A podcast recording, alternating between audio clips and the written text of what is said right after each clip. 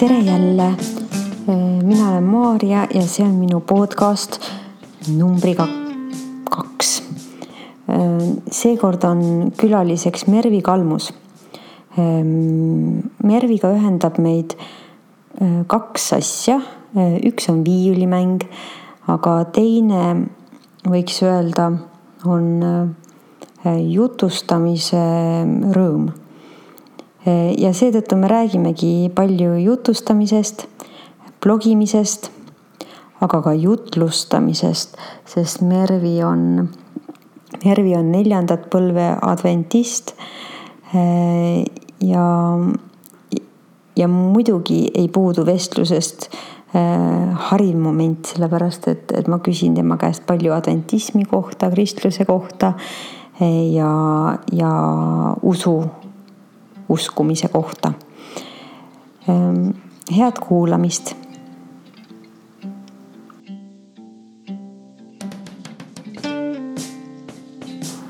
jah, aga ma arvan, et eh, mis nende aastatega ähm, ikkagi juhtub, kui sa pilli harjutad ja kui sa nagu regulaarselt esined, on see, et sa nagu natukene paremini ikkagi suudad hakkama saada selle stressiolukorraga.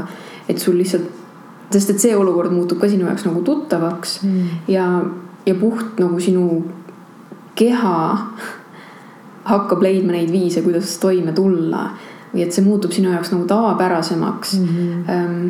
samas, kui ma võrdlen viiuli mängimist äh, oma palju hiljutisema hobiga, milleks on klassikaline laul siis äh, mind ajab nii kohutavalt närvi see, et ma ei saa inimeste ees esineda, mul hakkavad jalad värisema, ma ei suuda oma keha valitseda. Ma ei tea, kuidas valitseda seda oma kopsusid, oma äh, häälepaelasid, kõike seda, mis minu seest välja tuleb. ja siis ma mõtlen sellise heldimusega tagasi viiuli mängimise aegade peale, kui ma olin hakanud nende aastate jooksul, isegi siis, kui ma lähen närvi, ma enam-vähem tean, kuidas ma mm -hmm. närvi minnes pean viiulit mängima. sest see instru instrument on väljapool sind, on ju. samas kui hääl, vot see on minu jaoks müstika, ma ei ole kunagi klassikalist laulu või mingit laulu nagu mitte mingit laulu põhjalikult õppinud, nii et ma ei tea, kuidas see tehniliselt üldse võimalik on, et sa oled närvis, aga su hääl tuleb välja õigesti. mina ka ei tea, sellepärast et kui vaadata ähm, salvestusi või minna ooperisse või minna kontserdile, siis äh, see tundub tulevat täiesti nagu loomulikult. või isegi kui sa vaatad midagi nii nõmedat nagu Eurovisiooni lauluvõistlus, mõnel juhul sa näed, kuidas inimesel äh, mikrofon käes väriseb, mhm. aga see kuidagi ei. häält ei mõjuta. ei mõjuta või sa ei, nagu ei saa vähemasti sellest aru, et ta selle, seda mõjutaks. et see äh, närvi minemise element seal kindlasti on, aga nad vist oskavad seda kuidagi kas enda kasuks kasutada või see on lihtsalt nagu iseeneslik osa sellest kõigest hmm.. aga, aga see, kui me räägime nagu sellest ähm, närvi minemisest või sellest ähm, stressi tekitavates olukordades olemisest, siis mida ma hästi selgelt olen nagu kahes sellises elu situatsioonis tajunud, on see äh, õpetamise juures ja teiseks jutlustamise juures. et ähm, ma mäletan seda, kui ma alustasin õppejõutööd, ma olin kahekümne nelja aastane. Ma läksin Tartu Ülikoolis ähm, auditooriumi ette, seal oli minu meelest kolmkümmend neli tudengit. erakordselt suur keeleklass mm., kõik olid välistudengid. ma pidin neile semestri jagu eesti keelt õpetama ma lugesin ära üheksakümmend minutit loengut, ma läksin koju ja ma magasin kaks tundi, sest see oli mind nagu täiesti tühjaks lüpsnud. ja praegu üheksakümmend minutit äh, auditooriumi ees seista nagu suhteliselt, ta ei ole nagu lihtne selles mõttes, et ta võtab endiselt hästi palju sinust. aga mul ei ole mingit vajadust pärast kusagile magama minna mm. -hmm. või jutlustamine on täpselt samamoodi, et alguses ta tuli ikkagi nagu hästi suure pingutusega mm. -hmm. ja praegu ma ka tunnen, et adrenaliin lööb nagu üles. aga mul ei ole närvi ähm,. mingist hetkest tuleb närv, muidugi see oleneb sellest, kui palju on inimesi sinu ees, et kui on selline tavapärane nädalavahetus, kus ma võib-olla räägin neljakümnele kuni sajale inimesele, siis äh, nelja tuhande inimese ees seista on teistmoodi. aga üldiselt see asi muutub täiesti nagu normaalseks, täiesti tavaliseks elu osaks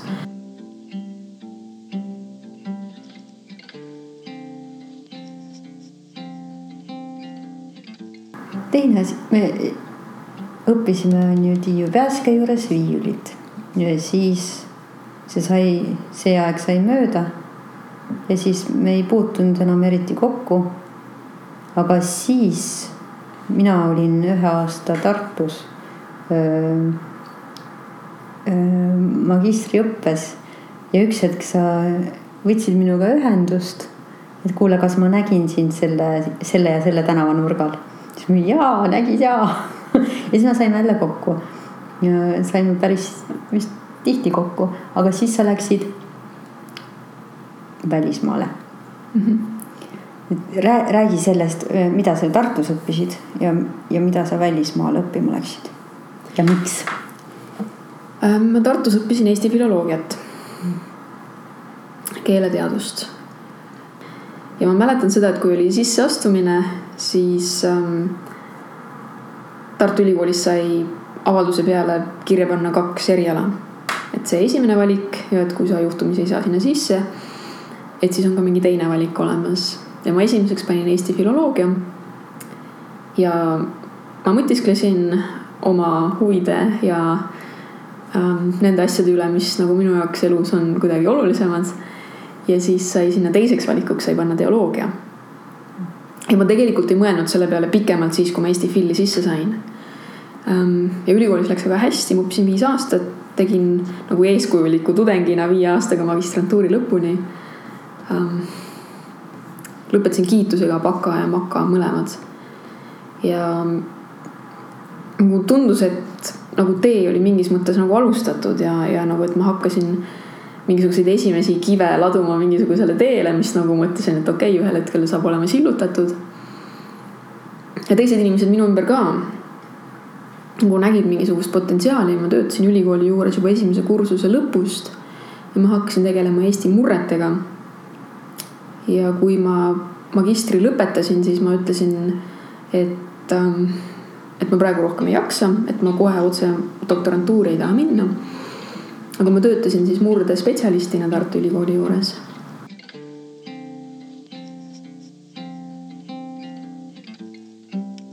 aga see teoloogia huvi nagu ei läinud kusagile. ja siis, kui see aasta läbi sai töötamist Tartu Ülikoolis, siis ma otsustasin, et ähm, ma tahaks natukene õppida teoloogiat. ja ühes Inglismaa ülikoolis oli pakkumisel selline üheaastane kursus mida nimetatakse license'iks või graduate diplomaks ja see on puhtalt Briti süsteem inimestele, kes on juba omandanud kõrghariduse ja kes tahaksid eriala muuta. ja kui ma oleks tahtnud saada ligipääsu magistrantuuri, siis seal olid ähm, ähm, konkreetsed loengud, mida ma oleks pidanud võtma. ma läksin sinna kohale, lõin jalaga ukse lahti, ütlesin äh,, mina magistrantuuri siin minna ei taha ähm,. ma tahan lihtsalt võtta neid aineid, mis mulle meeldib. ja selline võimalus on olemas. et sa saad ühe aasta jooksul õppida aineid, mida sa tahad. sa saad selle diplomi kätte, aga siis sa sealt edasi ei saa magistrantuuri. ja ma mäletan, et selleks ajaks, kui ma jõulude ajal koju tulin pärast esimest semestrit ja kui ma siis jaanuaris tagasi Inglismaale läksin, siis ma läksin nagu hästi alandlikult sinna äh, selle kursuse juhi juurde ja ütlesin, et mida ma peaksin tegema, et teoreetiliselt, teoreetiliselt kunagi saada ikkagi õppida siin magistrantuuris. ja nad olid hästi vastutulelikud, ütlesid, et tuleb võtta neid, neid, neid aineid. ja need olid just pastoraalsed ained, äh, mis mind ei olnud enne üldse huvitanud. Ja nende seas oli ka homileetika ehk jutlustamise kursus, mis mind ei huvitanud mitte mingil viisil um,. ma võtsin selle kursuse, tegin selle ühe semestri veel ära. homileetika kursus muutis mu elu. see on väga suur väide, aga ma endiselt arvan, et see on tõene. ja siis, kui ma selle aasta lõpetasin, siis minu jaoks oli kindel, et ma tahan kohe magistrantuuri. ja ma jäin veel kaheks aastaks Inglismaale ja tegin teise magistri otsa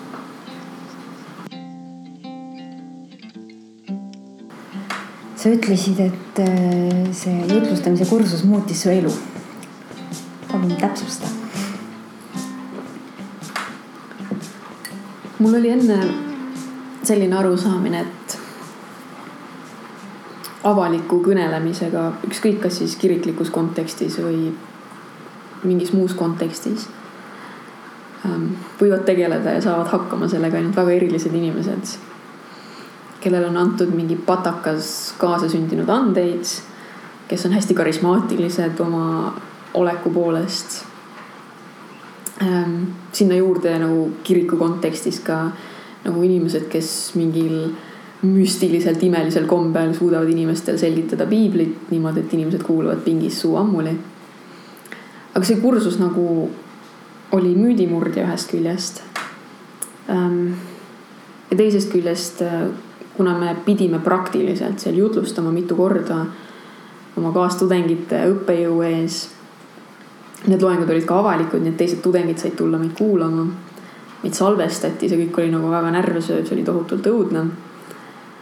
aga ma avastasin selle kursuse jooksul, et mul on võime kasutada sõnu äh, mõtestatul viisil ja sellisel viisil mis paneb inimesi kuulama päriselt. ja, ja sealt edasi. ma mäletan ühte kuupäeva, see oli viisteist september kaks tuhat üksteist, kui ma esimest korda jutlustasin ähm,. kuna see on noh, teoloogiline kolledž, siis ähm, tudengid teevad ja neile pakutakse igasuguseid õppe, tööväliseid tegevusi. ja seal oli neljapäeva õhtuti selline no noortekas kuhu siis inimesed tulid kokku, kes tahtsid ja oli nagu selline tudengi jumalateenistus hästi vabas vormis tudengikeskuses. inimesed lõsutasid seal diivanite ja mingite kotttoolide peal ja, ja, ja see oli hästi populaarne sellel ajal. seda juhtis hästi üks hästi karismaatiline noormees, kellel päriselt on nagu see karisma olemas nagu, mis paneb inimesi teda kuulama. aga siis ta küsis, kas ma tahan rääkida ma meeletult valmistasin ette, ma mäletan, ma õppisin pähe selle kakskümmend viis minutit ingliskeelset teksti täiesti pähe, sõna-sõnalt. ja, ja kui ma seisin inimeste ees ja kui ma rääkisin, siis selles tudengikeskuses oli nii vaikne, seal oli umbes seitsekümmend inimest. see oli nii vaikne, et oleks võinud kuulda seda, kuidas nõel kukub. ja, ja ma sain peaaegu šoki sellest ma vaatasin silmad ammuli neid inimesi ja ma mõtlesin kas, kas, kas see kõik võiks olla võimalik mm.? ja see oli võimalik um,. ja tollel hetkel ma ei saa öelda, et mu elu muutus nagu kardinaalselt. aga mu elu muutus nagu ühe väikese nõksu võrra. aga sellest väikesest nõksust piisas selleks, et, et tulevikus mingisugused asjad oleksid teistmoodi. kui nad oleksid olnud ilma selle õhtuta mm. -hmm. Nii et pärast seda ma avastasin, et ma suudan kõnelda ja nüüd olles kirikus tööl ähm,. ma pean seda oskust pidevalt lihvima ja ma pean seda kasutama peaaegu iganädalaselt. ja see läheb mulle õudselt korda ähm,. ja ma olen avastanud, et sõnal on mingisugune ähm, vägi. ma ei taha öelda vägi, ma ei mõtle seda mingisuguses esoteerilises huuhaa mõttes. aga kui hästi sõnadega ümber käia, siis see võib inimeste jaoks midagi muuta. see võib inimeste sisse istutada mõtteid, mida seal enne ei olnud. ja sellel on mingisugune võime justkui uusi reaalsusi ilmale tuua mm. -hmm. ja see on peaaegu et kõige ägedam asi, mida ma üldse elus olen näinud või kogenud.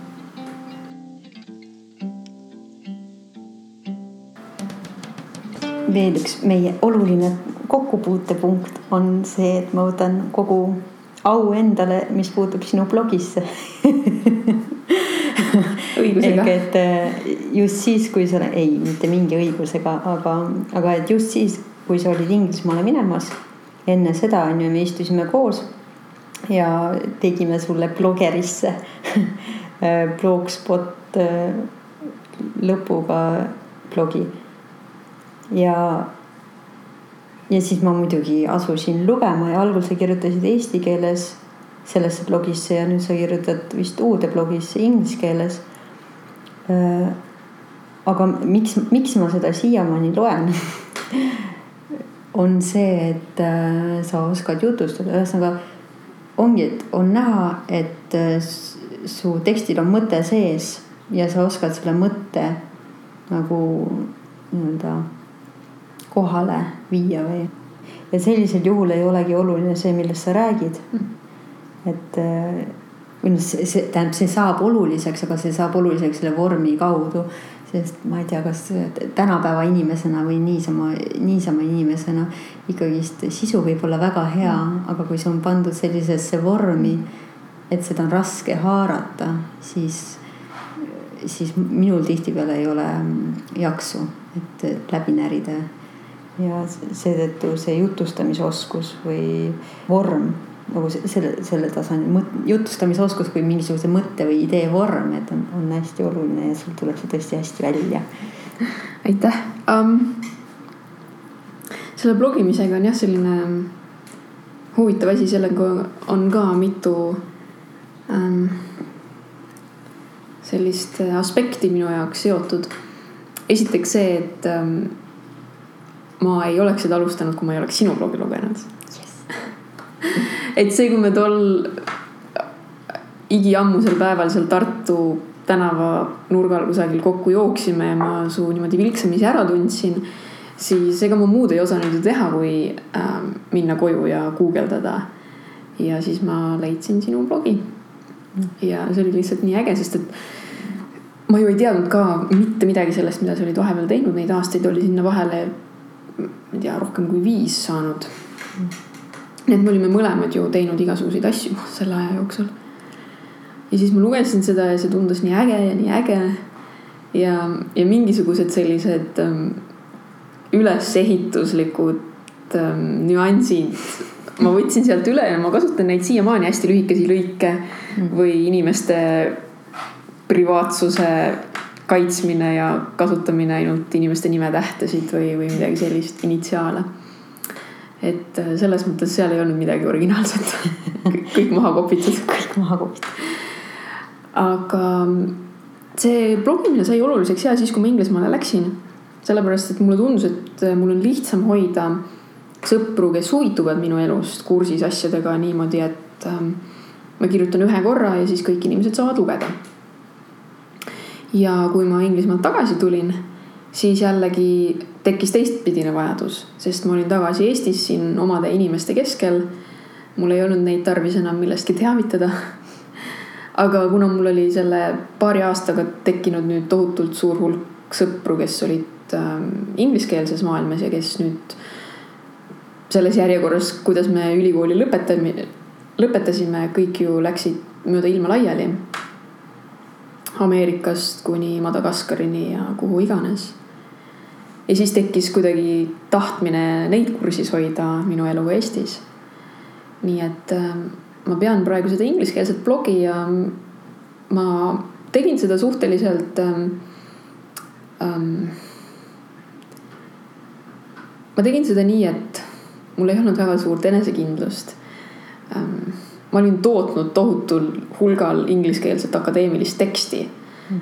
Äh, ingliskeelne maailm, ma ei tea, kas üldiselt, aga vähemasti Briti süsteem on hästi kirjutamiskeskne.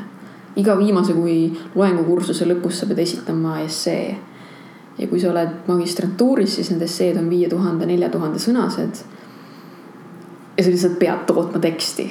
see on suhteliselt nüri ja ma ei olnud kindel, kas ähm, kas ma tahaksin nagu vabal ajal toota veel mingit teksti mm. -hmm. aga sellest sai hästi kiiresti selline fun ja üks asi, mis blogi juures on mind kuidagi hämmastanud, on see, et ähm, mitte ainult sinu elu ei mõjuta sinu blogi, mis on iseenesestmõistetav, sest sa kirjutad nendest asjadest, mis sinu elus juhtuvad. ja et, et see mõju nagu sedapidine on see nagu iseenesestmõistetav. aga see, et sinu blogi hakkab mõjutama ka sinu elu, mm -hmm. oli minu jaoks ikkagi üllatus. see, et sa hakkad nägema oma elu mingisuguseid seikasid mingisuguse narratiivi osana. jah vahel, kui midagi hästi ägedat juhtub, siis mul hakkab peas mingisugune na-, kuidas seda nimetatakse, narraator, ei Jut, jutustaja. jutustaja. mu peas hakkab üks jutustaja rääkima. ja, ja, ja ta ei jää enne vait, kui ma olen selle nagu välja kirjutanud endast mm. -hmm. ja see on peaaegu nagu keegi teine. mis, mis on nii äge, sellepärast et see paneb sinu enda elu juhtumisi ja seikasid nägema sellisel viisil, nagu sa tavaliselt ei näe neid või jutustama neid sellisel viisil, nagu sa tavaliselt või ilma selle blogita ei jutustaks mm. -hmm. et see on hästi äge ja, ja mis on veel teine asi, on see, et sinu elust hakkab kokku tulema mingisugune metanarratiiv mm. -hmm. et ähm, nagu suured elusündmused ja kui sa pead oma blogi piisavalt kaua, siis sa hakkad nägema, kuidas see narratiiv ähm, hakkab nagu välja kujunema et, ähm, et on mingisugused hästi sellised mäetipu kogemused. Ähm, ja siis on nagu sellised kohad, kus sa oled nagu nii sügaval põhjas. Ähm, kui sa puutud kokku surmaga, kui sa puutud kokku leinaga, kui sa puutud kokku äh, reetmisega või mingisuguse õnnetu armastusega, mis on vastamata jäänud. ja siis sa hakkad nagu seda kõverat ise nägema, sa näed, kuidas sinu elu läheb üles-alla ja blogi sellise nagu kõrvalseisva nagu pool objektiivse, pool subjektiivse häälena seal kõrval nagu aitab sul kõike seda näha sellisel viisil. see on õudselt äge. Äh, ja see on üllatav, äh, ma seda ei olnud, äh, ma seda ei, ei oleks osanud enne blogipidamist arvata. mul on sama, samad tähelepanekud ja sellele lisaks on nii et ma nüüd ära ei unustaks. esimene asi, mis ma tahtsin öelda, on äh, see, et ähm, just, et see suur narratiiv tuleb äh, oma elust, aga vot ise kirjutajana on vahel see nüanss ka, et ega kõike ei kirjuta välja. Et see lugu, mis on võib-olla kirjas, tegelikult juhtus sel päeval midagi veel, midagi väga olulist, mida sa ei saanud kirja panna Eh, mis iganes põhjusel. aga kui sa seda ise hiljem loed, siis sul tuleb meelde ka see, mis seal taustal oli tegelikult sinu jaoks. ehk et võib öelda küll, et ah, blogija on selline avalik inimene, et kõik laotab oma elu laiali, aga tegelikult ei ole, et, et blogi on küll nagu väljapoole päevik, aga see on ikkagist, aga see on ikkagi äh, sissepoole ka, midagi jääb enda jaoks ka ja, ja ma ei tea, kuidas see tehniliselt on, aga et noh, et nende mingid mälestuskillud, mis on kirja pandud, nende külge haakuvad tegelikult veel need teised mälestuskillud, mis on, mis jäävad kirja panemata, aga mis, mis tulevad meelde siis, kui sa neid esimesi loed. Ja, ja ma vahel naeran selle üle selles mõttes, et ma olen inimene, kes on Facebookis, kes on Twitteris ja kes on blogis ja ma pean ennast äh, väga äh, privaatsust armastavaks inimeseks on mingisuguseid asju minu elus, mida ma nagu väga kiivalt kaitsen. ja, ja see on nagu naljakas, sest et see on nagu paradoks. Et ähm, mingis mõttes võiks öelda, et ma olen ju oma elu lahti laotanud kõikidele inimestele nagu lugeda ja vaadata ja arvustada aga tegelikult ja seal on suur osa seda narratiivi, mis jääb nagu välja ütlemata. just ja teine asi, mis mul sind kuulates tuli meelde, on see, et see on just metanarratiiv või mis sõna sa kasutasid mm. -hmm. ehk et see, üks on sinu elulugu, aga teine on see narratiiv, mis tekib blogis ja see ei ole üks-ühele -hmm. sama, sellepärast et sa ei kirjuta kogu oma elu paberile, vaid sa võtad sealt mingisugused punktid ja siis järsku need nagu võimenduvad, on ju sinu elus. Äh, ja, ja teevad selle hoopis teistsuguseks, kui see nii-öelda objektiivne, ma ei tea, filmikaameraga elu oleks, on ju. aga see on ikkagist nii tore. Äh, ja, ja üks nagu kõrvalnäht, mis minu puhul sellele on olnud, on see, et ütleme, päriselus juhtub midagi, ma teen selle narratiiviks, aga narratiivis sa ikka noh, natukene teed nagu teistmoodi. Et võimendad mingit teist kohta, mingi asi, mis kestis sekundi, on selles äh, loos, kirja pandud loos on poole lehekülje pikkune, on ju ja kui ma näiteks aasta hiljem loen seda, siis mina mäletan ainult seda, mis ma kirja panin.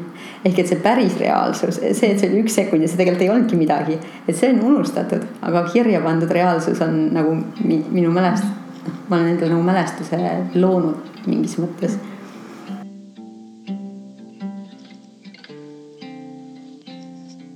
aga üks asi veel, mida sa enne mainisid, mis mulle kõrva jäi, et see mingi loo jutustamise oskus. see osalt on ka seotud sellega, et ma olen ju läbinud jutlustamise kursuse. jah, ma arvangi, et et mulle on õpetatud seda, kuidas pidada head jutlust, mis inimestele meelde jääb ja head jutlust, mis inimestele meelde jääb, saab pidada ainult siis, kui su jutul on üks keskne mõte nagu jutlustamise kursusel nüüd ka mina oma tudengitele raiun seda nagu rauda. et ma tean, et sa tahad rääkida kümnest asjast. aga katsu see fookus nii kitsaks ajada, kui sa vähegi saad, räägi ainult ühest asjast. ja usu mind, see jääb inimestele paremini meelde kui kümnest asjast rääkimine. ja, ja, ja siis õpetatakse ju ka seda vormi, millesse see kõik panna mm. -hmm. et äh, on olemas lausa selline asi nagu narratiivjutlus, mis on. õpeta meid jutustamine, sa võtad ähm, ükskõik, kas sa võtad mingi narratiivi või sa võtad ka sellise piibliteksti aluseks, mis iseenesest ei ole narratiivne tekst. aga sa jutustad sellest loo mm. -hmm. sa tekitad sinna mingisuguse dilemma, sa tekitad sinna mingisuguse äh, pingehetke. sa esitad mingisuguse küsimuse, millele sa kohe seda vastust ära ei anna mm. -hmm. ja sa hoiad seda pinget natukene ja siis sa lõpuks annad selle lahenduse ja inimestel on, aa, jaa, loomulikult tunne mm. -hmm. aga sa oled nad võtnud endaga kaasa mingisugusele teekonnale ja sa lased neil tunda mingit asja selle jooksul. et kui ma jutlustan kakskümmend viis minutit, tavaliselt ma rohkem ei taha jutlustada ähm,. inimeste attention span mm. -hmm. isegi kiriku kontekstis, kus tegelikult jutlus on nagu vana ja väärikas ja au sees olev žanr siis inimesed väga palju rohkem ei jaksa ja ma kõnelejana ka ei jaksa väga palju rohkem. Ehm, et sa võtad inimesed kaasa mingile teele ja sa aitad neil midagi tunda ja sa aitad neil jõuda mingisugustele järeldustele. selles lootuses, et nad need järeldused siis oma elus ka täiesti praktiliselt ellu rakendavad mm. -hmm. nii et selles mõttes äh, on huvitav kaks mingis mõttes täiesti lahus seisvat, kaks kaks täiesti erinevatest eluvaldkondadest asja tegelikult minu enda jaoks on täiesti kokku saanud. et äh, kui ma blogi pean, ma ei mõtle kunagi teadlikult sellele vormile või okei okay,, mis narratiivjutlus, mis midagi sellist. aga see on saanud nagu selliseks iseeneslikuks osaks minu elust ja, ja ma jutustan lihtsalt midagi. kusjuures mul ka on jutustamine on vist iseeneslik osa sest ma mäletan sealsamas Tartus, ma õppisin semiootikat ja siis seal oli selline kursus nagu narra-, narratoloogia või oli narratiiviteooria. vahet pole. ja ma läksin sinna. ja ma ei saanud aru, miks sellist asja õpetatakse. sest see on nagu, ma oleks võinud ise õpetada seda või noh, see, see oli nii elementaarne asi nagu, et et see on nagu, vesi on joomiseks ja laua peal aseta siia taldrik, pane taldrikule toit ja söö seda. on ju, et noh magistriõppes selline kursus. siis ma püüangi aru saada, et kas see oli kõigile nii elementaarne või siis see on ikkagist öö, jutustamishobiga inimeste. ma ei tea, aga ma tean, et ähm, üks asi siia juurde veel, ähm, mis minu elus mängib suurt rolli ja mis minu jaoks on hästi tähtis, on lugemine mm.. ja ma arvan, et raamatute lugemine suurtes kogustes ähm, kuidagi paneb ka sinu mõtted teataval viisil tööle. mul ei ole nagu ühtegi teadusuuringut, millele viidata ähm,. küllap neid on ähm,, ma ei ole isegi uurinud, aga ma arvan, et ähm, heade lugude lugemine mm -hmm. äh, mõjutab sinu mõtlemist ja mõjutab ka sinu väljendusviisi.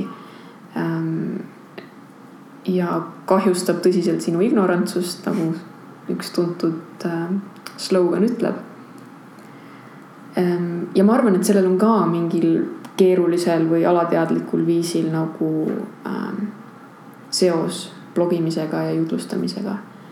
et ähm, ma tunnen, et ma pean tarbima häid lugusid ja need inspireerivad ja need, ma ei tea, toimetavad midagi minu peas ja teevad midagi minu elus ma pean siinkohal vaikima, see on see, mis mul puudu on. ma ei loe raamatuid. ei, selles mõttes ma praeguse seisukohta nagu ei, ei oska öelda midagi, ma seda ei saa kommenteerida, aga kui me alustasime oma jutuajamist sellest, et on kolm mälestust ja üks oli muusikakool ja teine oli Virumaa noorteorkester, siis kolmas mälestus, mis minul on nagu väga otseselt sinuga seotud ja mis on nendest kolmest kõige eredam, on see, kuidas me lugesime koos raamatut. trepi peal. trepi peal istusime, William Dalrymple'i Xanadus otsimise retk oli meie vahel ja me, see on inetu sõna, aga ma arvan, et me hirnusime, on kõige õigem nagu kõige täpsem kirjeldus ähm, ja siis ma läksin, võtsin selle raamatu raamatukogust ja naersin pisarateni veel kodus edasi. Mm. Aga et eh, see on nagu huvitav eh, asi, mis on jäänud meelde. Ja William Dalrymple for the record on siiamaani eh, üks kõige sümpaatsematest kirjameestest ja praegu on minu riiulis vist seitse või kaheksa tema raamatut, peaaegu tema täielik, täielik kogu, aga vist kaks raamatut on veel puudu. mina äh, olen sooritanud varguse Äh, Rakvere raamatukogust ühe sellise sama Xanaduse otsimisretk. sest see tiraaž oli välja müüdud ja ma tundsin, et ma tahan seda. ja kasutame siin sõna karma või mis, aga see raamat kadus ära. ma arvan, et mu isa laenutas selle kellelegi lahkelt välja või siis veel lahkemalt viis raamatukokku tagasi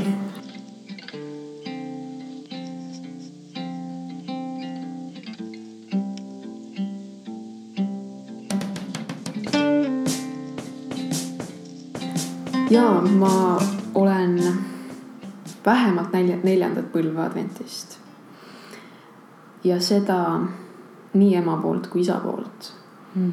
nii et ma tulen sellisest hästi tugevast äh, kristlikku eluviisi ja kristlust nagu väärtustavast taustast äh,. vahel ma nalja, naljatlemisi ütlen, et äh, see voolab minu soontes et see on kusagile minu DNA-sse juba sisse kodeeritud nende põlvkondade jooksul. Mis ei ole muidugi tõsi, ma usun ka täiesti seda, et igal inimesel on vabadus valida, vabadus otsustada ja vabadus uskuda seda, mida tema leiab olevat tõe. aga kui rääkida teoloogiast, siis üldiselt, siis see on kõige huvitavam asi, mida mina oma elus olen õppinud ja millega ma üldse olen kokku puutunud. et ähm, ma mäletan nii hästi Inglismaal, lähed mingisse suvalisse loengusse, nagu suvalisse loengusse. ja ilma, et sa nagu oskaksid arvata, oodata või kahtlustada, sind on järsku tõmmatud mingisugustesse eksistentsiaalsetesse küsimustesse ja sa ei ole võimeline iseennast sellest lahutama nagu, et on olemas erialasid, kus sa oled väga selgelt lahus sellest, mida sa õpid. ma õppisin Eesti filoloogiat, hea küll, minu eesti keel, minu emakeel on eesti keel. ja ma olen ka sellega kuidagi nagu seotud, aga kui ma uurin mingisuguseid väljasurevaid või möödanikku kuuluvaid murdeid, siis minu jaoks on väga selge, mis on uurimisobjekt ja kes olen mina. aga teoloogias see ei tööta niimoodi. sest sa lähed sinna loengusse ja järsku sa pead mõtlema iseenda elu peale ja selle peale, mida sina usud ja mis on sinu jaoks tähtis. ja, ja see on nii õudselt põnev. see võib olla vahel natukene nagu koormav või seda võib saada ka liiga palju. on nähtud neid tudengeid, kes on nii palju urgitsenud oma usus ja oma identiteedis ja teoloogias et nad on kaotanud usu. Nad on läinud ära sealt ülikoolist ja nad on otsustanud, et nad ei usu enam mitte millessegi ega mitte kellessegi. Aga mul nagu seda muret millegipärast ei olnud kunagi. aga kas sa, kas sa saad aru, mis need, mis nende inimestega juhtus ja mis sinuga ei juhtunud või ku, kuidas see tee lahkneb? ma ei tea, kuidas see tee lahkneb, aga vähemasti selles ülikoolis, kus mina käisin, meile õpetati ikkagi väga selgelt kriitilist mõtlemist. usus on hästi palju, seal on nii palju nüansse ja see on nii subjektiivne. ja vahel on näha seda, kuidas nagu mingisugune kriitilise mõtlemise element nagu jätaks inimesi maha, kui asi puudutab nagu usku. aga meid õpetati hästi tugevalt nagu esitama kriitilisi küsimusi ja ma tean, et see võib olla väga raske kristlaste jaoks, võib olla kõigi usklike jaoks väga raske. ja mingis mõttes kogu seda süsteemi, mida me nimetame usuks ja mida me nimetame ka adventkoguduse teoloogiaks või adventusuks. seda ikkagi dekonstrueeriti mm. -hmm. seda võeti juppideks, seda asetati küsimuse alla ja ma ei ole kindel, et kõik õppejõud nagu mõistsid seda sellisel viisil ja et nad võib-olla ei tegelenud nii teadlikult rekonstrueerimisega pärast. et kui on mingid asjad juppeks võetud, siis on nagu küsimus sellest, et sa vaatad nendele juppidele otsa ja ütled, et ei, tegelikult siin ei olegi midagi eriti. või siis sa võtad kätte ja paned need jupid jälle kokku, võib-olla natukene teisel viisil, kui nad enne olid. aga viisil, mis ikkagi ähm, on mõtestatud sinu jaoks ja mis mingil viisil aitab sul aru saada maailmast ähm,.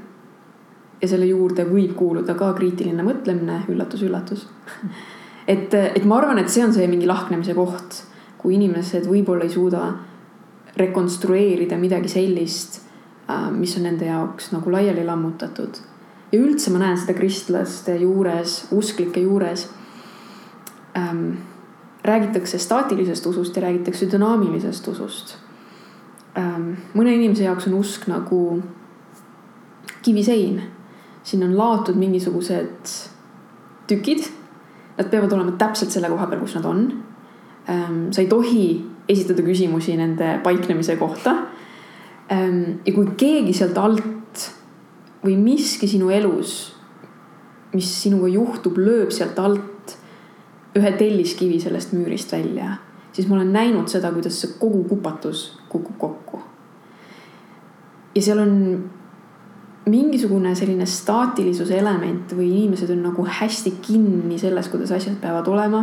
Neil tavaliselt on hästi mustvalge maailmanägemus. ja kui miski nagu esitab suure väljakutse sellele ja kui miski annab nagu tõsise paugu sellele kõigele, siis ähm, see pudeneb lihtsalt nende käes tükkideks.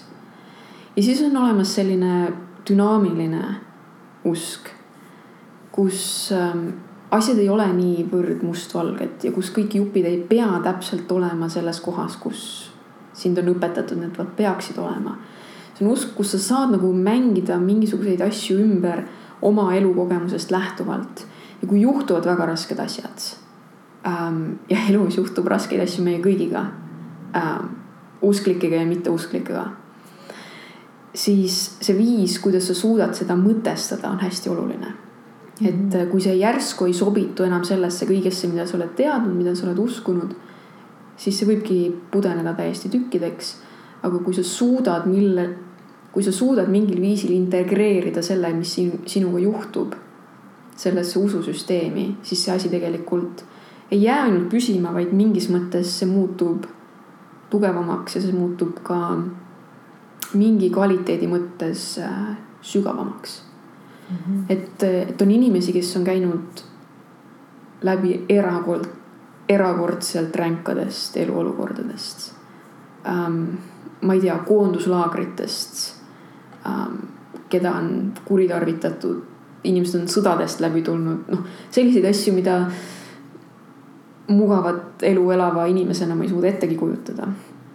ja on inimesi, kes on kaotanud selle peale oma usu ja siis on inimesi, kes on suutnud selle säilitada ja selle juures on selline sügavus ja selline kvaliteet, et äh, see võtab mul suu lahti.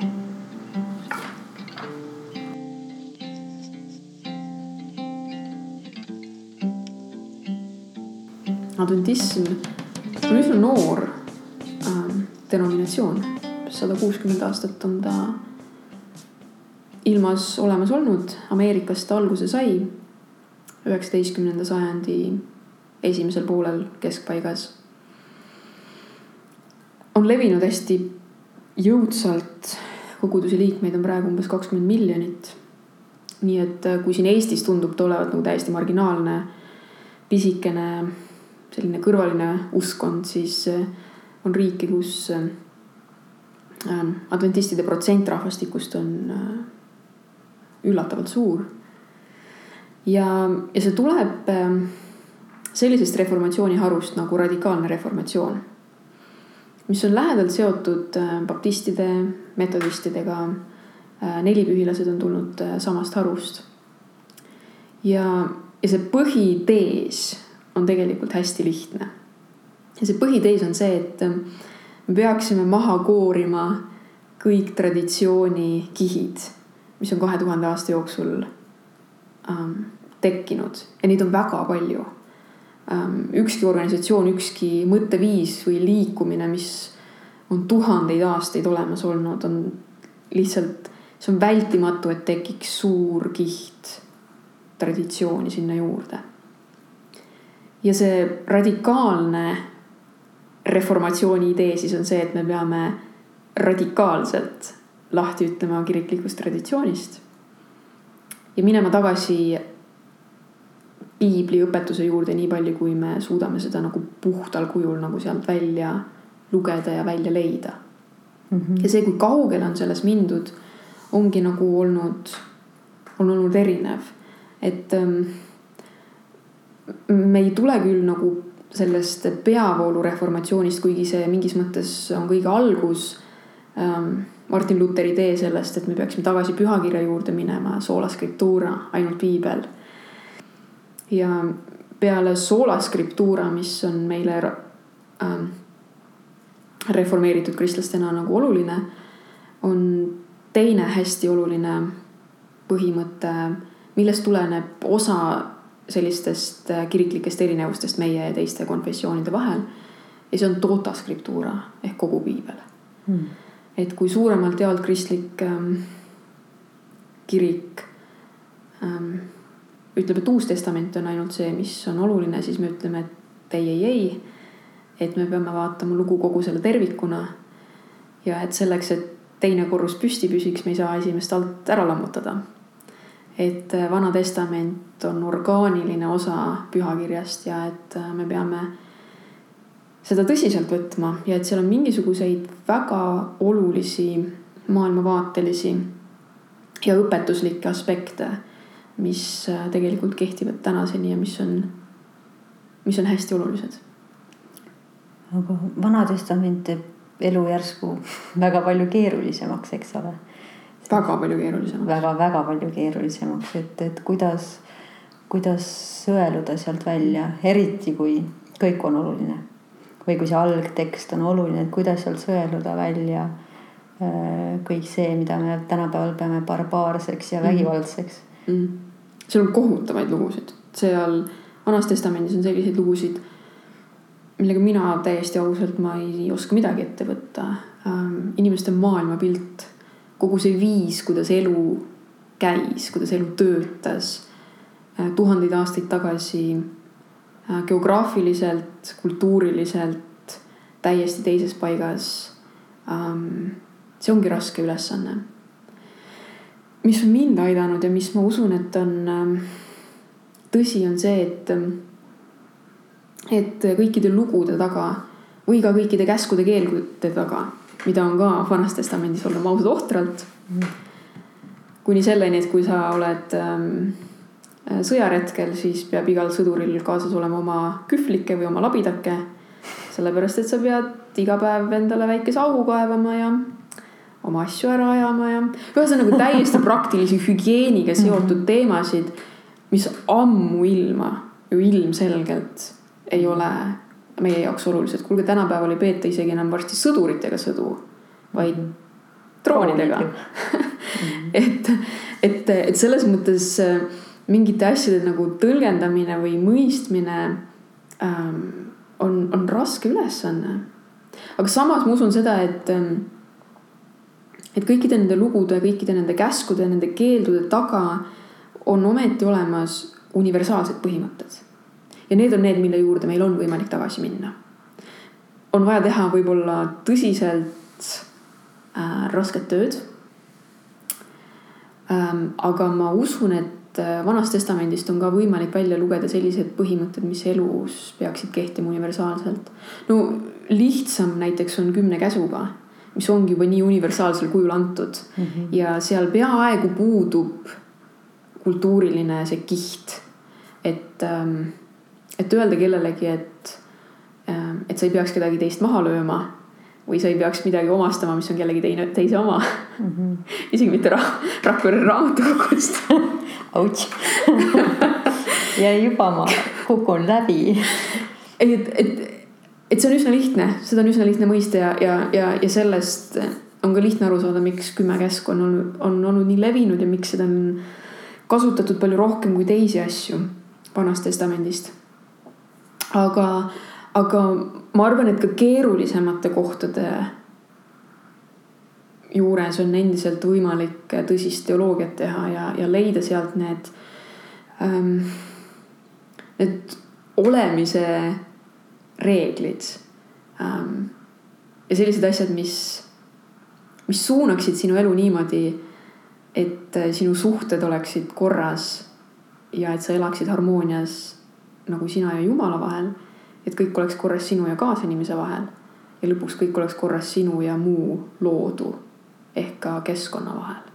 et seda teinekord räägitakse vähem, räägitakse mina ja Jumal või mina ja kaasinimene aga lõppeks tegelikult, kui hoolega lugeda, siis seal on olemas isegi konkreetsed juhised ja põhimõtted selle, sellest, kuidas me peaksime hoolitsema ülejäänud äh, loodu eest.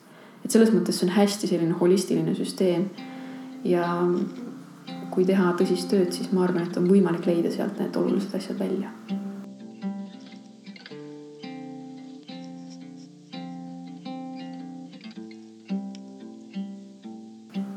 mulle tegelikult hästi meeldib see tagasi, ühesõnaga, et traditsiooni, kuidas öelda, mahapühkimise idee. sest see on see, mis äh, minus on suurt küsimust tekitanud ka. Äh, sest kui vaadata, kui sa ise oled tõlkinud mõnda teksti näiteks, siis kas sa saad öelda käsi südamel, et see tekst, ma ei tea, kasvõi eesti ja inglise keele vahel, et see tekst, mis sa tõlkisid on seesama tekst, mis on originaaltekst.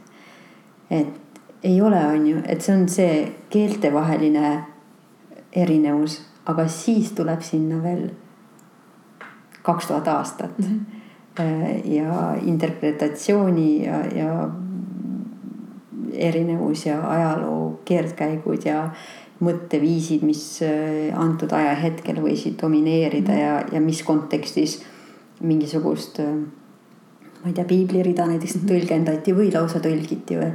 et ähm, kõik see on minu jaoks nagu piisavalt sogane mm -hmm. ja keeruline asi, et ma ei suuda äh, uskuda, et see piibel saab olla seesama püha tekst. ehk et ütleme, et kui, kui me otsime kusagil püha teksti, siis võib-olla see oli kusagil seal tuhat viissada aastat tagasi mingisuguse mehe käes aga, aga see, mis minul riiulis on, see on lihtsalt raamat. appi, kas ma vihastasin kellegi välja kuidas sina enda jaoks oled lahendanud selle või kas sa oled lahendanud selle mõtte? mis puudutab traditsiooni kui sellist, siis see on selline teema, millega peabki kogu aeg tegelema. sellepärast, et me oleme inimestena hämmastavalt lihtsad traditsioonidesse vajuma mm. -hmm. et ähm, ja traditsioonis iseenesest ei ole teinekord midagi halba, see tähendab lihtsalt, et, et paljud inimesed paljude aegade jooksul on leidnud mingi asja tegemise teatud viisil olevat mõtteka ja hea. Ähm, aga me hästi kiiresti kukume mingisugustesse mõttemustritesse millegi tegemise mustrisse. ja see nõuab nagu hästi suurt sellist vastujõudu, et püüda nagu äh, nüüd lahutada seda, mis on see algne sellest, mis on nüüd see hiljem tekkinud traditsioon. ja sellepärast teoloogia ongi olemas ja sellepärast ma isegi olen seda õppinud. et ma üldse ei arva, et me sellel teel nagu lõpuni kusagil ole, oleksime jõudnud, vaid et sellega tuleb pidevalt edasi tegeleda. mis puudutab seda teksti nagu ennast nagu puhtalt seda teksti, siis äh, üks asi, mida võib öelda piibliteksti kohta, on see, et ähm, ta paistab kõikide teiste antiik ähm, kõrval silma sellega, et on erakordselt ähm, muutumatul kujul säilinud, säilinud aja jooksul äh,. niisiis Vana-testamendi tekst heebrea keeles kui ka Uue Testamendi tekst kreeka keeles. esimene kreekakeelse Uue Testamendi teksti lõigukene, see on hästi tillukene ähm,. mõned sõnad Johannese evangeeliumist. see on dateeritud umbes aastasse sada kakskümmend. kui arvestada seda, et Johannes võis oma evangeeliumi kirja panna aastal üheksakümmend, siis see on nelikümmend aastat ähm, mitte ühegi teise vana teksti puhul me ei, ei, ei ole suutnud tagasi minna nagu peaaegu selle kirjutamise aega. muidugi oleks nii tore, kui meil oleksid autograafid kasutada mm.. et siin on Pauluse allkiri, palun väga. või et ja selle teksti siin sellisel kujul panigi kirja prohvet, ma ei tea, Jesaja mm -hmm. vanas testamendis, seda meil ei ole. aga meil on olemas äh, nii juutide kui ka siis kristlaste pühendunud ähm, teksti säilitamise püüdlus ähm,. ja, ja see on hästi sümpaatne. see ei lahenda kõiki probleeme, kaugeltki mitte. ja need inimesed ähm,, kes on tegelenud ka teoloogiaga nagu tõsisemalt, nad teavad, kui keeruline teadus on ka käsikirjade teadus. piibel sellisel kujul, nagu ta meil praegu riiulis on, ei kukkunud taevast alla mm. -hmm. vastupidiselt ka paljude kristlaste arusaamisele. Ei, tegelikult kristlased ei arva seda, aga me tegelikult ei mõtle selle peale, kuidas see tekst on meieni jõudnud um,. seal taga on väga pikk suuline traditsioon ja see kirjapanemine ja selle kirjutatu säilitamine on tegelikult olnud väga keeruline protsess ja ma tean vähe Vana Testamendi kohta, sest ma tegin oma magistrantuuri Uues Testamendis, aga ma tean Uue Testamendi kohta seda, et, et, et on käsikirju, mis on märkimisväärselt erinevad. ja siis on see küsimus, et mis on vanem, mis on algsem, kuidas on üldse võimalik, et erinevad käsikirjad on nagu ringlusse läinud. ja on terve hulk selliseid tekstikriitilisi kriteeriume, mille põhjal otsustatakse, mis on algsem ja mis on vanem. Äh, püüdes siis tagasi minna võimalikult äh, algupärase teksti juurde. päris lõpuni see ei ole võimalik. aga mis on ka oluline nende teksti erinevuste juures on see, et, et nende teksti erinevuste baasilt ei tule välja mitte ühtegi tõsist teoloogilist Ähm, eripära mm.. et ei ole olemas selliseid käsikirju, et kui sa võtad selle oma aluseks, siis on sinu kristlus selline mm. -hmm. ja kui sa võtad teise käsikirja aluseks, siis on sinu kristlusel hoopis teine nägu. et tegelikult äh, ka selle tohutu ähm, nende tuhandete käsikirjade hulga sees on ikkagi hämmastav ähm, temaatiline ühtsus. ja ma usun, et ühest küljest on tegemist tõesti selle viljaga, et inimesed on püüdnud seda teksti säilitada. ja nad on nagu tajunud selle teksti pühadust ja seda väärtust. mis on selle teksti nagu muutumatul kujul säilitamises. aga teisest küljest nagu täiesti tavalise kristlasena ma endiselt usun seda, et see kõik ei olnud puhtalt inimlik protsess, vaid mingil viisil Jumal on olnud mängus selles protsessis, et säilitada seda teksti piisavalt puhtal kujul. et kõik, mida mina pean teadma piiblist, elu kohta ja ma ei tea, ärapääsemise kohta, lunastuse kohta, patu kahetsuse kohta. et need asjad on seal kirjas sellisel viisil, nagu nad peavad olema. et, et noh, selles kohas loomulikult tuleb mängu ka minu isiklik usk ja see on see, mis teebki vahe minu ja inimese vahel, kes ei usu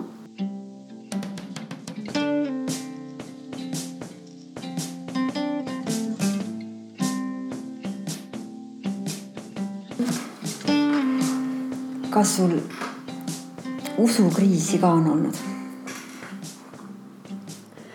mul ei ole olnud sellist usukriisi, kus ma mõtlen, et äh, okei okay,, see kõik on ähm, nõme või et see ei ole tõsi ähm,.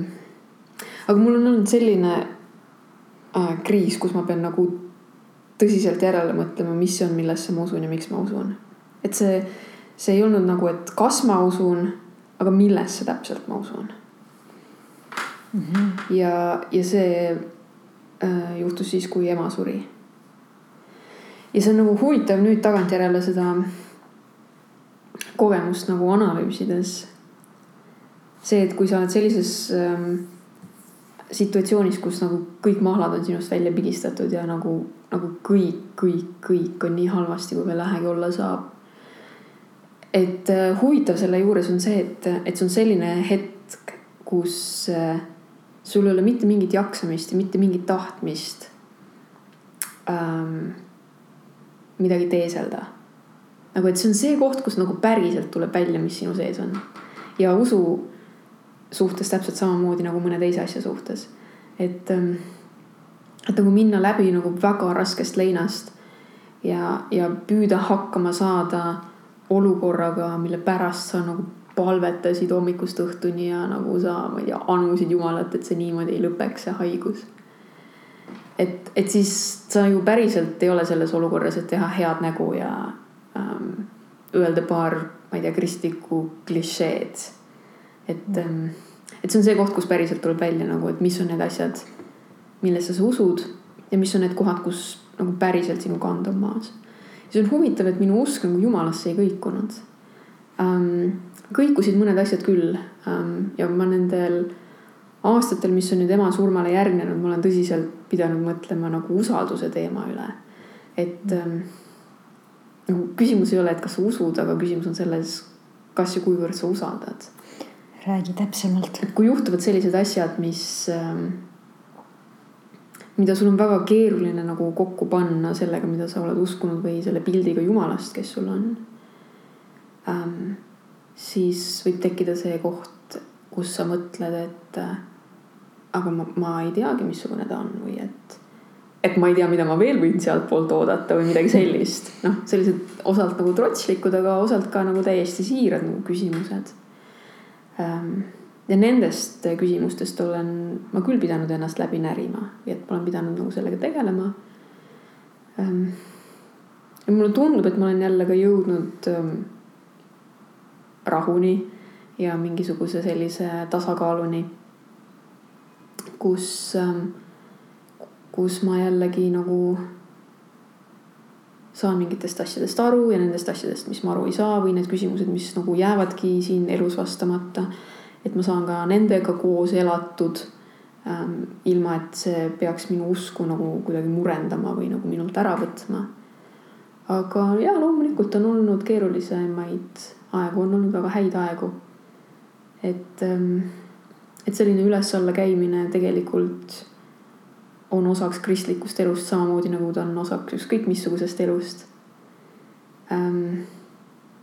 ja pilt sellest, et kristlased äh, lähevad elust läbi oreool pea ümber ja tiivad seljas ja käed õndsas palveasendis ähm,. tegelikult ei vasta mitte mingil viisil tõele. aga rohkem kui see ähm, mida ma teen või mida ma tegemata jätan, on kristlus minu jaoks alati ikkagi olnud äh, maailma nägemise ja mõtestamise viis.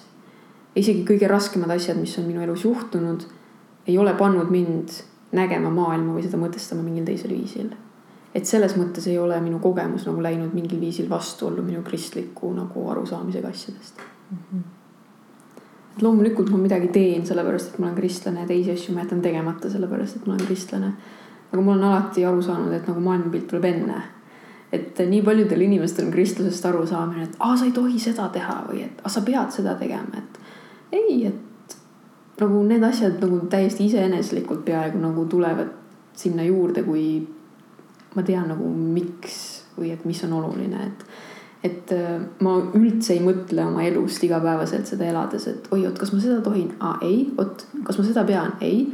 et noh, see on nagu täiesti teise või kolmanda järgu asi. Äh, et kui ma tean, miks, miks on mingid asjad olulised, äh, et siis see, kuidas ma midagi teen, see kasvab sellest kuidagi iseeneslikust välja. aga ja, ja meie jaoks on endiselt nagu hästi oluline Äh, selline piibellik kontseptsioon puhkusest. ja minu meelest ei ole ühtegi teist kohta ja aega kui praegune lääne ühiskond, kus peaks sellest uuesti jälle rääkima mm. -hmm. kus inimesed ei tea, mida päris puhkamine tähendab või miks see on oluline. Ja see viib nagu meid tagasi nagu päris selle päris esimese loo juurde piiblis, kus räägitakse loomisest ja inimese loomisest ja sellest, mis viisil maailm pandi üldse tööle et mis viisil, missugusel viisil on maailm mõeldud funktsioneerima. et sinna juurde kuulus iganädalane äh, puhkus ehk šabat. ja ma ei tea, oleme veendunud selles, et nii nagu jumal selle asja kellal tiksuma pani, et ta tegelikult tiksub siiamaani. ja et ähm, šabat vana juudi kombe kohaselt reede päikeseloojangust laupäeva päikeseloojanguni. -hmm. et see on aeg, mis on nagu mõeldud selleks, et, et kõik muud asjad saaksid nagu kõrvale panna. ja see on kummaline, sellepärast et ma olen seda nagu täiesti nüri järjepidevusega terve oma elu teinud, nagu minu ema ja isa. Äh, see viis, kuidas mind üles kasvatati, see viis, kuidas nad tekitasid neid äh, sabati rituaale nagu, mida me tegime reede õhtul või kuidas me panime küünlad põlema, kuidas ema tegi sedasama kooki kuidas kõik asjad olid valmis tehtud, toit oli valmis tehtud järgmiseks päevaks. Äh, kõik olid, ma ei tea, saunas või vannis käinud. Äh, maja oli kõik koristatud. Ähm, televiisor lülitati välja. Ähm, et, ähm, et see on minu sisse nagu jätnud sellise rütmi, et äh, ma peaaegu füüsiliselt tunnen, kuidas mu ajus mingisugune ähm, nupp reede õhtul sisse lülitatakse ja ma lähen mentaalselt täiesti teistsugusele režiimile. ja ma ei oska seda isegi väga hästi nagu kirjeldada ähm,. ma arvan, et see on puhtalt nagu kogemuslik, et seda vist ei olegi võimalik nagu väga hästi kirjeldada.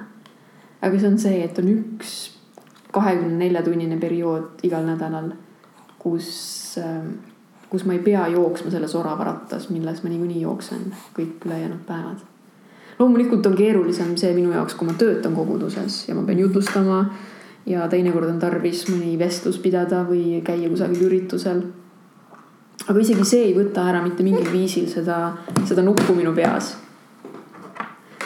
ja, ja seda ähm,, et miski minu sees rahuneb täiesti niipea kui reede õhtu saabub mm. -hmm. ja minu meelest oleks seda inimestele hädasti vaja mäletan, kui sa, kas ma ei tea, üle-eelmisel kohtumisel või mingil jalutuskäigul sellest rääkisid, siis ma mõtlesin, et jaa, et seda oleks hädasti vaja iga nädal täpselt niimoodi. aga kas, kas on erandeid, et kas, kas oled pidanud seda murdma ka? ei. Ongi nii, mitte kunagi elus. ja see on nagu üks asi ähm,, kus keegi võiks vaadata minu otsa ja öelda, et ma olen fanaatik ja ma arvan, et ma selle koha peal olengi fanaatik, sellepärast et ma usun, et kui on mingisugused põhimõtted, siis need ei ole murdmiseks. sest niipea, kui ma seda murraksin, niipea see ei oleks enam põhimõte. nii et ähm, ma ei ole oma kümme aastat ülikoolis veedetud aja jooksul mitte kunagi mitte ühtegi õpikut lahti teinud. Reede õhtust laupäeva õhtuni, isegi siis, kui mul on esmaspäeval eksam. mul ei ole olnud kunagi ühtegi sellist töist kohustust ähm,, ähm, millest ma ei saaks ära öelda. -hmm. kui asi puudutab nagu minu äh, sabati nagu pühitsemist. isegi keskkooli lõpus ma ei kirjutanud laupäeval mitte ühtegi eksamit. Mis tähendab, et ma tulin äh, Tallinnasse tegema järeleksamit. nii et äh, nagu see on see regulaarsus, millega ma seda päeva nagu eriliseks pean Ähm, või see, kui sügavale see läheb. ja just hiljuti ähm, oli mõne kolleegiga mul äh, nagu juttu sellest ähm,, sellest nagu piibli kontseptsioonist kui kui, kui piibel räägib sellest, siis ta räägib sellest kui selle päeva pühitsemisest või nagu millegi pühaks pidamiseks. Ja sõna püha tähendab millegi eraldamist. et see nagu, mida ma teen ja mida ma tegemata jätan sellel, sellel päeval, ma alati katsun lähtuda sellest äh, nagu, et, et oleks eraldi, et ta jääks eraldi, et oleks eriline minu jaoks mm. -hmm. ja, ja see on siiamaani toiminud ja, ja mitte ainult, et see ei ole toiminud, vaid ma olen nagu sügavalt veendunud selles, et ähm, minu õppeedukus näiteks koolis on olnud parem tänu sellele et äh, ma ei ole endale liiga teinud, sest et see on üks rohi selle vastu, et inimene ei teeks endale tööga liiga mm. -hmm. ja, ja see, kui ma kuuel päeval teen tööd ja ühe päeva võtan selleks, et nagu täiesti tööst puhata ähm,. see raudselt tuleb tegelikult kasuks mm, -hmm. nii et see, selle aja nagu eraldamine ei võta minult ära midagi head. see vastupidi annab mulle väga palju midagi juurde. Selles ma olen hästi veendunud